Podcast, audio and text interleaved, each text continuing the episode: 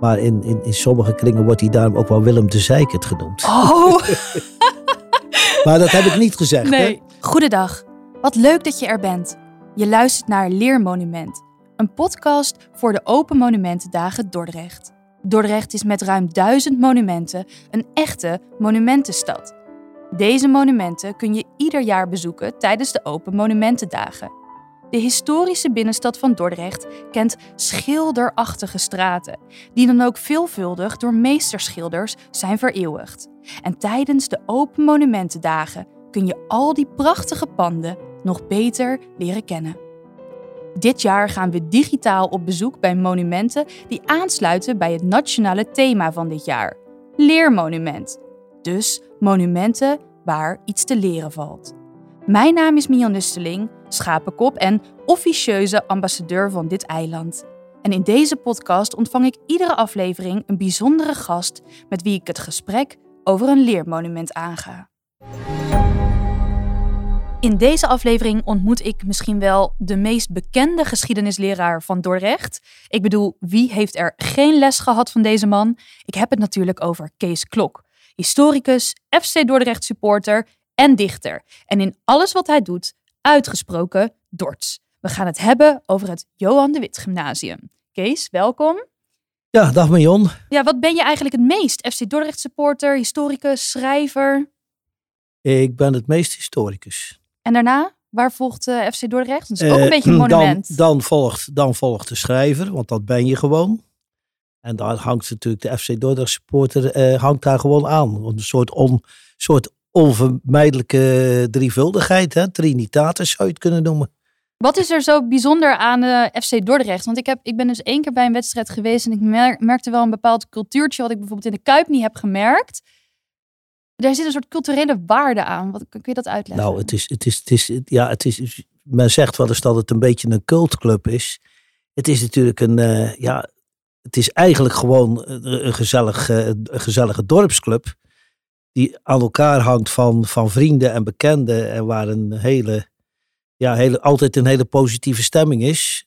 Ook al staan we onderaan in Ja. de kelder van de eerste divisie. Dan blijft het toch op de een of andere manier leuk. En ook al speelt het team soms als een oude krant. Dan vinden we het toch allemaal geweldig om in dat stadion te zijn. En dat, eh, ja, dat is een sfeer. Dat, dat is heel erg met Dort verbonden. Het is ook een beetje het, eh, de, de Achilleshiel van FC Dordrecht. Dat ze natuurlijk in Dordrecht alleen maar in Dordrecht eigenlijk aanhang hebben.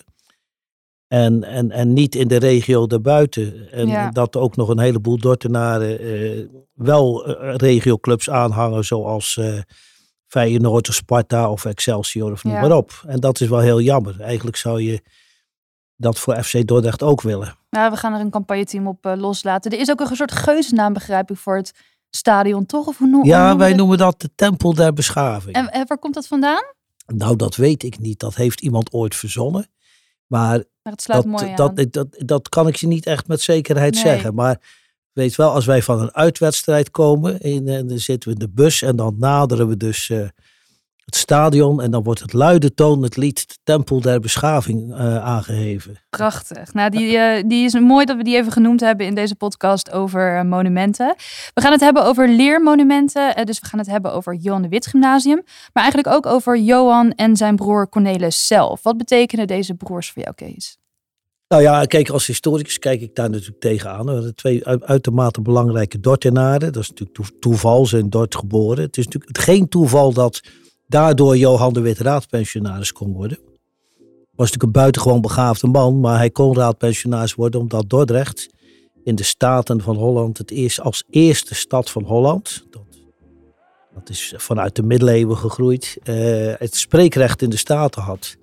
En eh, als de als de raadpensionaris aftrad of ziek was of vervangen moest worden, dan werd hij ook altijd vervangen door de pensionaris van Dordrecht. En dat was op een gegeven moment Johan de Wit. En die is daarna doorgegroeid, zeg maar, naar het raadpensionarisschap. En is van, in, van wat dat betreft van landelijke en internationale betekenis. Ja, Was natuurlijk, je kunt die, die, die staatsinrichting van de Republiek eigenlijk niet vergelijken met wat we nu hebben.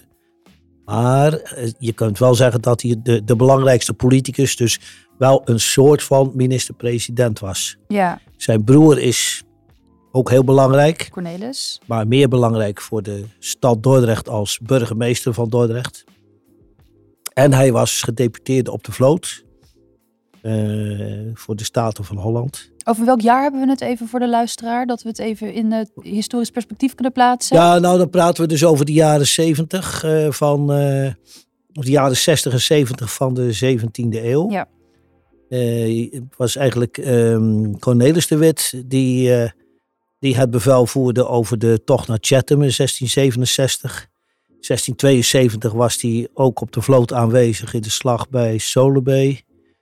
En uh, hij vervulde wat dat betreft een, belangrijke rol. Hij was daarbij ook nog uh, Ruwaard van Putten, een baljuw van, van Voorne geloof ik, wat weet ik niet helemaal zeker. Maar hij was in ieder geval Ruwaard van Putten. Hij verbleef dus ook een tijd van het jaar, een deel van het jaar op de burcht in Geervliet, om daar het bestuur te voeren. En als die uh, op de vloot was, dan uh, nam zijn vrouw Maria van Berkel, althans in Geervliet, de zaken waar. Ja, ik heb begrepen dat de vrouw uh, inderdaad een, eigenlijk best wel wat een machtige positie had voor die tijd. Dus staat ja, kijk, niet, niet echt officieel, maar wel achter de schermen. Hè? Ja. Dat, en zeker Maria van Berkel, die, die dan de zaken voor haar man waarnam. Maar eigenlijk, het, het is frappant dat ik heb een beetje het gevoel altijd in Dordrecht dat Cornelis het ondergeschoven broertje van Johan is. Het gymnasium heet ook het Johan de Wit. Uh, ik heb het gevoel dat hij altijd als nummer één genoemd wordt en dan pas Cornelis. Terwijl voor de Dordtse relatie is het dus eigenlijk andersom. Waarom zou dat nou zo zijn? Nou ja, omdat Johan natuurlijk een man van, van meer internationale statuur was. Hè, die ja. ook met, laten we zeggen, met de groten der aarde te, te maken had. En Cornelis wat dat betreft een iets bescheidere rol speelde. Maar de trotse Dordtenaar... Voor de, stad, die, voor de eh, stad Dordrecht was Cornelis eigenlijk een, een, een, een, even belangrijk, zo niet belangrijker dan Johan. Ja. Maar ja, dat is dan de soort perceptie die we hebben. Ja, Cornelis was trouwens ook ouder. Hè? Dus eigenlijk zou de Johan de Witstraat, die voordat, laten we zeggen, in die, voor, de, voor de stadssanering van de jaren 60 was de Johan de Witstraat een hele voorname, mooie straat met prachtige villa's. Dat is voor een groot gedeelte door uh, de toenmalige bouwheren is dat uh, versteerd in mijn ogen. en de Cornelis de Witstraat was een redelijk onaanzienlijke straat. Ik heb daar zelf een groot gedeelte van mijn jeugd doorgebracht. Kleine, overigens wel gezellige huizen. Uh, een, een, school, de Voorthuizenschool. Uh, en ja, dan de, het verlengde waar, waar nu de Spuiboulevard is, waar we nu zitten. Daar stonden de loodsen van de ponteniers, dat heette Achterslandswerf. Dat was veel onaanzienlijker dan die Johan de Witstraat. Eigenlijk zou je, vanuit een Dorts perspectief, zou er wat voor te zeggen zijn geweest om die namen om te draaien. Kunnen we altijd nog doen. Ja, we moeten misschien even wat meer uh, trots op, uh, op uh, Cornelis, de, de, dat mag best wel, ja. ja, precies. En dan hebben we natuurlijk het gymnasium. Het is volgens mij een van de oudste? Of, het oudste. Het oudste gymnasium van Nederland? Ja, want het Johan de Wit Gymnasium komt voort. is eigenlijk een voortzetting van de Latijnse school. En de Latijnse school in Dordrecht is de oudste van, uh, van uh, de Noordelijke Nederlanden. Is gesticht in 1253. Jeetje, ja. En die Latijnse school die speelde al in de 17e eeuw een buitengewoon grote rol uh, in de, ook in de Duitse cultuur, met name op het gebied van de, van de letteren. Er komt een fors aantal bekende schrijvers, literatoren vanaf. En ook Johannes Cornelis de Wit hebben dus op die Latijnse school gezeten. En uh, ja, die, die, die, die speelde in die Duitse cultuur lange tijd, zeker in de 17e eeuw. In de 18e eeuw wordt het wat minder speelt hij een, een, een, vrij centrale rol. Je hebt eh, Pieter van Godewijk, de vader van de beroemde Margarethe van Godewijk. Die was preceptor, eh, leraar op de Latijnse school. Eh, ook oud-leerling. Want ik heb begrepen van mijn collega-historicus Remy Balistreri dat er nogal wat oud-leerlingen dan, of misschien zei jij dat tegen mij. Ja. Een van jullie hebben er allebei gezeten nogal wat oud-leerlingen aangenomen worden als, uh, als docent. Ja, dat nou, dat waar. was dus in de 17e eeuw ook zo. Ja. Pieter van Godewijk uh, was een oud-leerling en, en zo kun je er nog een aantal noemen. Er kwamen ook mensen van buiten hoor. In 1600 kwam Gerard Vossius als rector naar Dordrecht. Ja. Is tot 1623 gebleven. En ze, ze houden echt ontzettend van tradities op, de, op het uh, Johan de Witt Gymnasium. Ik heb daar dus zelf gezeten als leerling. En het Vossius is nu de feestcommissie. En die wordt ook verkozen. En het is allemaal echt wel een beetje op een archaïsche wijze. Dus het is echt... Ik zeg altijd, het Johan de Witt is eigenlijk een soort van uh, Zwijnstein in Dordrecht uit Harry Potter. Het is een beetje een gek sfeertje, hangt er af en toe. De docenten zijn allemaal een beetje mal soms, maar dat komt omdat ze zelf op de school hebben gezeten en die vertalen gewoon heel die cultuur weer door. Ja. Ja, de tradities zijn echt heerlijk. We hebben ook een schoollied. Dat is wel even een dingetje wat ik moet, uh, moet zeggen. We hebben een schoollied, het Eia. Als er nu mensen luisteren die op uh, Johan de Wit hebben gezeten, of het JDW in de volksmond, dan krijgen ze of nu misschien wel prachtige nostalgische gevoelens of extreme kippenvel. Want ja, het zingen van het schoollied was een traditie die niet iedereen even leuk vond. Toch heb ik mijn zusje, momenteel leerling aan het Johan de Wit, zover gekregen om het schoollied even voor jullie in te zingen. Volledig tegen haar wil in. Dus voor de luisteraar hierbij het Eia. Eia cantemus sodalis, carmen eloquentiae. Quis nos amici perfida copidine. Ik verder weet ik het gewoon niet. Ja, dat um, moeten we nog steeds. Uh, wordt dat nu nog zingen? Ik weet niet of Jan en Cornelis de Wit het ook hebben gezongen, maar. Uh... Dat weet ik niet. Het zou best kunnen, maar zover reikt mijn kennis nee. niet. Maar ja, dat, dat er dus tradities waren, op, zijn op het Johan de Wit. Zoals het uh, ja, toch bij voorkeur aanstellen van oud-leerlingen. En natuurlijk het Latijn en Grieks in ere houden. Ja. Ja, dat was dus ook in de tijd van Johan en Cornelis de Wit wel zo. En uh, ja, ik mag toch aannemen, kijk, de heren worden in hun portretten, zien ze er allemaal buitengewoon serieus uit. Ze hebben natuurlijk serieuze dingen gedaan.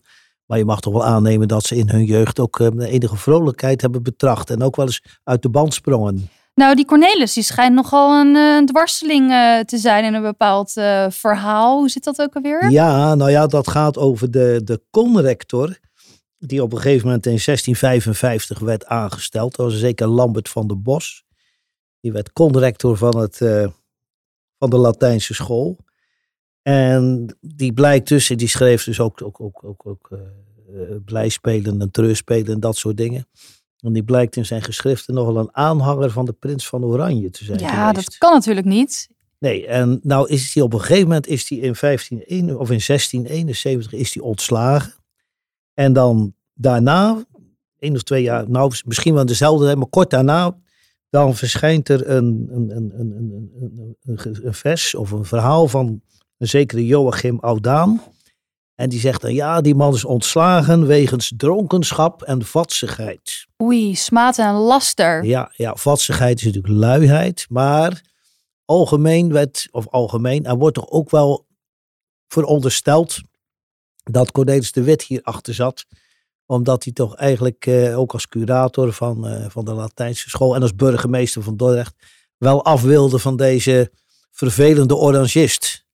Kijk, drinken deden ze allemaal in die tijd. Ja. Maar uh, ja, dat was dan toch, naar mijn idee, een beetje het excuus om, uh, om de man de deur uit te werken. Ja, ja. en, en de luisteraar die kan uh, van deze Dordtse mentaliteit hele dagen ook nog het een en ander meemaken. Ik bedoel, ga het internet maar op en typ maar in stambeeld Willem van Oranje versus Gebroeders de Wit. Ja. Dus we heel even een korte recap voor de mensen die nu luisteren en niet ja, weten waar nou ik ja, het over kijk, heb. Toen, toen dat stambeeld van Willem van Oranje er moest komen. Staat op het hof nu. Wat we, laten we maar zeggen, niet een toonbeeld van artistieke schoonheid is. Toen gingen mensen roepen van ja, dat moeten we niet doen, want Dordrecht is de stad van de, van, van de, de, de Witten en uh, Ja. we moeten de, de gedachtenis van de gebroeders de Wit hoog houden. Dat moeten we ook, maar het was wel een onzindiscussie, omdat het ging over de Willem van Oranje die van 1533 tot 1584 leefde. En dat is natuurlijk een heel andere Willem van Oranje dan eh, Willem III. Ja, maar er waren wel ook lokale politici die zeiden: je gaat geen koningshuis of oranjeleden in een republikeinse stad neerzetten. Als je het helemaal als je terugredeneert naar, naar, naar de 17e eeuw, dan was Dordrecht inderdaad een, voornamelijk een, een, een, een staatsgezinde stad. Je had de prinsgezinden, de staatsgezinden. En dan past Willem van Oranje daar natuurlijk niet in. Nee. Maar ja, Willem van Oranje had in die tijd, in zijn tijd, Willem de Eerste, hè, de zwijger, had in zijn tijd natuurlijk wel betrekkingen met Dordrecht als stadhouder. Logeerde hier regelmatig in Dordrecht. Met enige regelmaat kwam hij in de stad. Zijn residentie was natuurlijk lange Ja. tijd in Delft.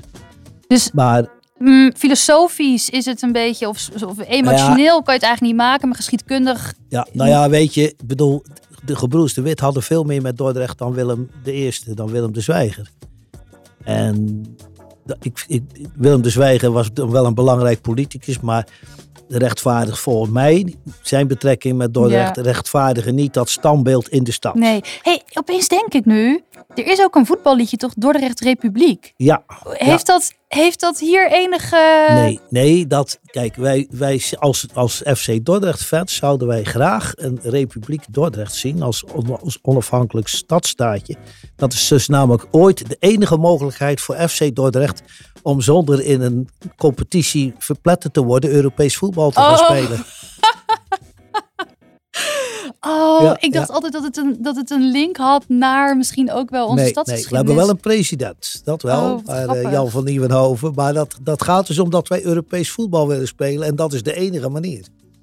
Zijn eh, Johan en Cornelis de Wit eh, echt goede boegbeelden voor Dordrecht of is het te beperkt? Jazeker, dat zijn goede boegbeelden voor Dordrecht. Want het zijn mensen die allebei ongelooflijk veel voor de stad betekend hebben.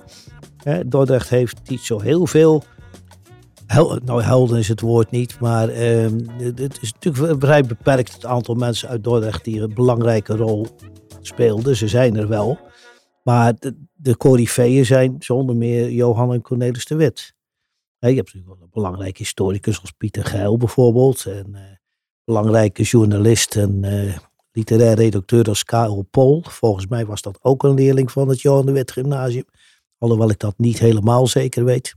Er staat trouwens een lijst op Wikipedia met alle bekende Johan de Witters. eh, dat is Ja, echt grappig. maar dat staan ze- goed bijgehouden. Daar staan volgens mij niet allemaal staan ze erbij. Maar er staat, er staat een aantal Ja. staan er. Dat, eh, ja, ja, ja. Dat, eh, dat is wel leuk om eens naar te kijken. Want dan denk je bijvoorbeeld Eco Brinkman. Ja, Dacht ik altijd van die tien man zo. Toen die nog politiek bedreef hoorde, dacht ik van nou ja, als jij van het Johan de Wit Gymnasium komt, zou je toch beter moeten weten. Maar ja, kwestie van blijft mening. een hè. eilandbewoner hè, dat ook. Het is een kwestie van, van mening. Dat is niet, niet een feit, maar goed. En in de stad staat natuurlijk ook een, eh, een standbeeld van Johan en Cornelis de Wit op Ja. de brug. Ja, De dat, een staat, de ander zit. De legende gaat dat zij s'nachts omwisselen van plek. ongetwijfeld. Anders is het zielig. De een moet al staan, de ander wat zitten. Ja. Nee, ehm, Johan zit en Cornelis staat. Ook raar, want de jongste zit en de oudste staat. Maar dan laat je ook wel weer zien dat Johan nationaal toch net iets meer statuur had dan Cornelis. Dus een, ehm, een beeld wat in eh, 1918 eh, eh, is onthuld door de commissaris van de koningin. Baron Zweerts de Landas Wijborg heette die man. En ehm, Het is ook wel weer grappig dat dat van de commissaris van de koningin is dan toch? ja, maar er is ook bij, financieel door het Koninklijk Huis aan zowel het standbeeld van Johan Cornelis in Dordrecht als het ongeveer of in hetzelfde jaar onthulde standbeeld van Johan de Wit bijgedragen. En bij de onthulling van het beeld in Den Haag waren ook koningin Wilhelmina en prins Hendrik aanwezig als genodigden. Dus dat hele verhaal van ja, eh, een republikeinse stad anti-oranje, dat, dat, dat is een rammelend verhaal Ja. omdat het, hè, het- het- ik vond het ook, het gaat ook het verhaal dat toen, toen koning Willem-Alexander Dordt bezocht, mocht hij niet langs het standbeeld van Johan en Cornelis de Wit. Ja, dat is natuurlijk de grootst mogelijke idioterie die je kunt bedenken. Want A, het Koninklijk Huis heeft aan dat standbeeld bijgedragen. Ja. Dus zo diep zullen de gevoelens nou dan wel niet meer zijn na zoveel honderd jaar.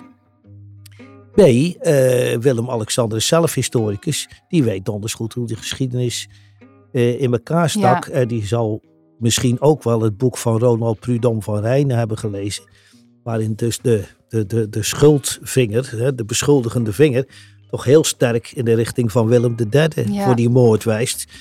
niet direct, maar wel zijn naaste medewerkers waren in het complot betrokken. Dus Het is toch ook wel een beetje voor de burger spannend, dit soort Ach, het verhalen. is- het is een toch beetje ook leuk. Het is een beetje om de geschiedenis een beetje levend te houden. Je hou moet er toch een van beetje, hoor. je moet er een beetje soap van maken, anders zitten alle studenten en leerlingen te slapen bij de les. Dat, eh, Alle gasten die in deze podcast verschijnen, vraag ik wat ook voor hen nou persoonlijk een monument is waar de luisteraar eventueel naar moet omfietsen of absoluut even naar moet gaan kijken, al dan niet eh, via Google. Wat is nou het favoriete monument of wel misschien gewoon gebouw, nieuw mag ook zijn, van Kees Klok? dat is de Berkenpoort. Oh, Dat is een gebouw met een zeer rijke geschiedenis. Een van de oudste monumenten van de stad. Dat wist ik echt oprecht niet. Gebouwd door de wijnkoper, was die, heette die Johan, maar in ieder geval Berk. Eh, de plek waar alle hoogwaardigheidsbekleders in de 17e eeuw en de 16e en 17e eeuw die Dordrecht bezochten, eh, logeerden. Dus Willem III, of Willem, eh, Willem de Zwijger heeft daar ook met enige regelmaat gelogeerd. Eh, vandaar, ja, dan zou je zeggen dat standbeeld staat daar niet helemaal eh, niks op die plaats. Er heeft vroeger een urinoir gestaan. Dat was misschien in Ja. deze tijd toch handiger om dat Op te de plek laten. waar het standbeeld staat. Ja, ja, oh, wat ja, ja, daarom hebben sommige mensen, ja, ik mag het eigenlijk niet zeggen. Maar in, in, in sommige kringen wordt hij daarom ook wel Willem de Zeikert genoemd. Oh, Maar dat heb ik niet gezegd. Hè? nee. Nee, maar dat is de Berkenpoort. En dat gebouw heeft altijd door de geschiedenis heen een belangrijke rol gespeeld. Bijvoorbeeld voor de Tweede Wereldoorlog, tijdens de mobilisatie, waar ze, waren er militairen gelegerd. Eh, eerst Nederlandse en na de capitulatie van Dordrecht Duitse militairen. Maar daar heeft ook heel veel jaren de huisvlijtschool van het, eh, de Maatschappij voor het Nut van het Algemeen ingezeten.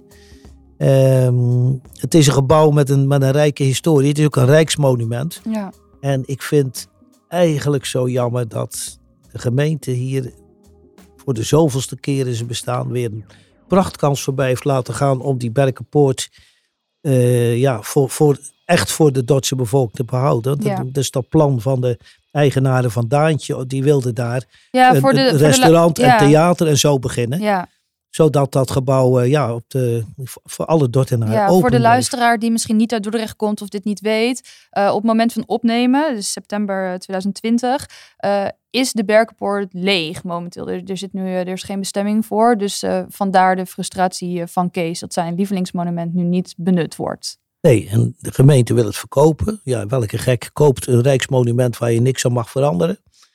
Dat weet ik niet. Ja. Daar zou je als gemeente veel beter gebruik van kunnen maken. Ja, je misschien zou er ook- luistert er iemand die denkt, Hé, ik heb het geld liggen. ja, nou, als, ik- als ik een, als, een, een, een sympathieke biljonair Ja, wil dat misschien overnemen. Maar goed, afgezien van deze zaak, ik vind het ook een prachtig sfeervol gebouw dat echt naadloos past in, eh, in het historisch centrum van de stad. Dat is dan wel vlak rondom de Berkenpoort. Nou heb ik het over het Statenplein en de Nieuwstraat voor een groot gedeelte verwoest tijdens de stadssanering van de jaren 60. Eh, maar daar zijn ze gelukkig halverwege de jaren 70 van teruggekomen. En toen hebben ze de Hofstraat aangelegd. Want alleen het eerste deel van de Hofstraat, vanaf tussen de Nieuwstraat tot ik, ongeveer nummer 16 of nummer 18, dat wil ik kwijt zijn, dat zijn originele huizen. De rest is er in 1976, 77 bijgebouwd. En dan hebben ze die oude gevels, die of 16e eeuwse gevels, die waren van andere panden in, in, in de Duitse binnenstad, die gesloopt werden. oh, En die gevels hebben ze keurig netjes bewaard. En die hebben ze voor die huizen steen voor steen weer opgebouwd. Maar de rest van die panden zijn dus gewoon van de jaren, eind jaren Oh, 70 van nou, de vorige eeuw. Nou, ik denk dat de luisteraar met andere ogen door dit stukje Dordrecht gaat lopen. Een heel mooi stukje ook, sowieso. Het is bij zeer het geslaagd, moet ik Ja. zeggen. Ja, Ja, heel erg mooi om doorheen te lopen. Kees, ontzettend bedankt. ik eh, kijk nooit meer eh, hetzelfde naar deze huisjes, want ik wist het echt niet. Dus ik heb weer iets geleerd. En eh, ontzettend bedankt voor het luisteren. Voor Graag gedaan. Dit was Leermonument. Bedankt voor het luisteren. Wil je meer Dordrecht? Ga naar centrumdordrecht.nl of kom gewoon langs en bezoek dit prachtige eiland vol cultuur en geschiedenis.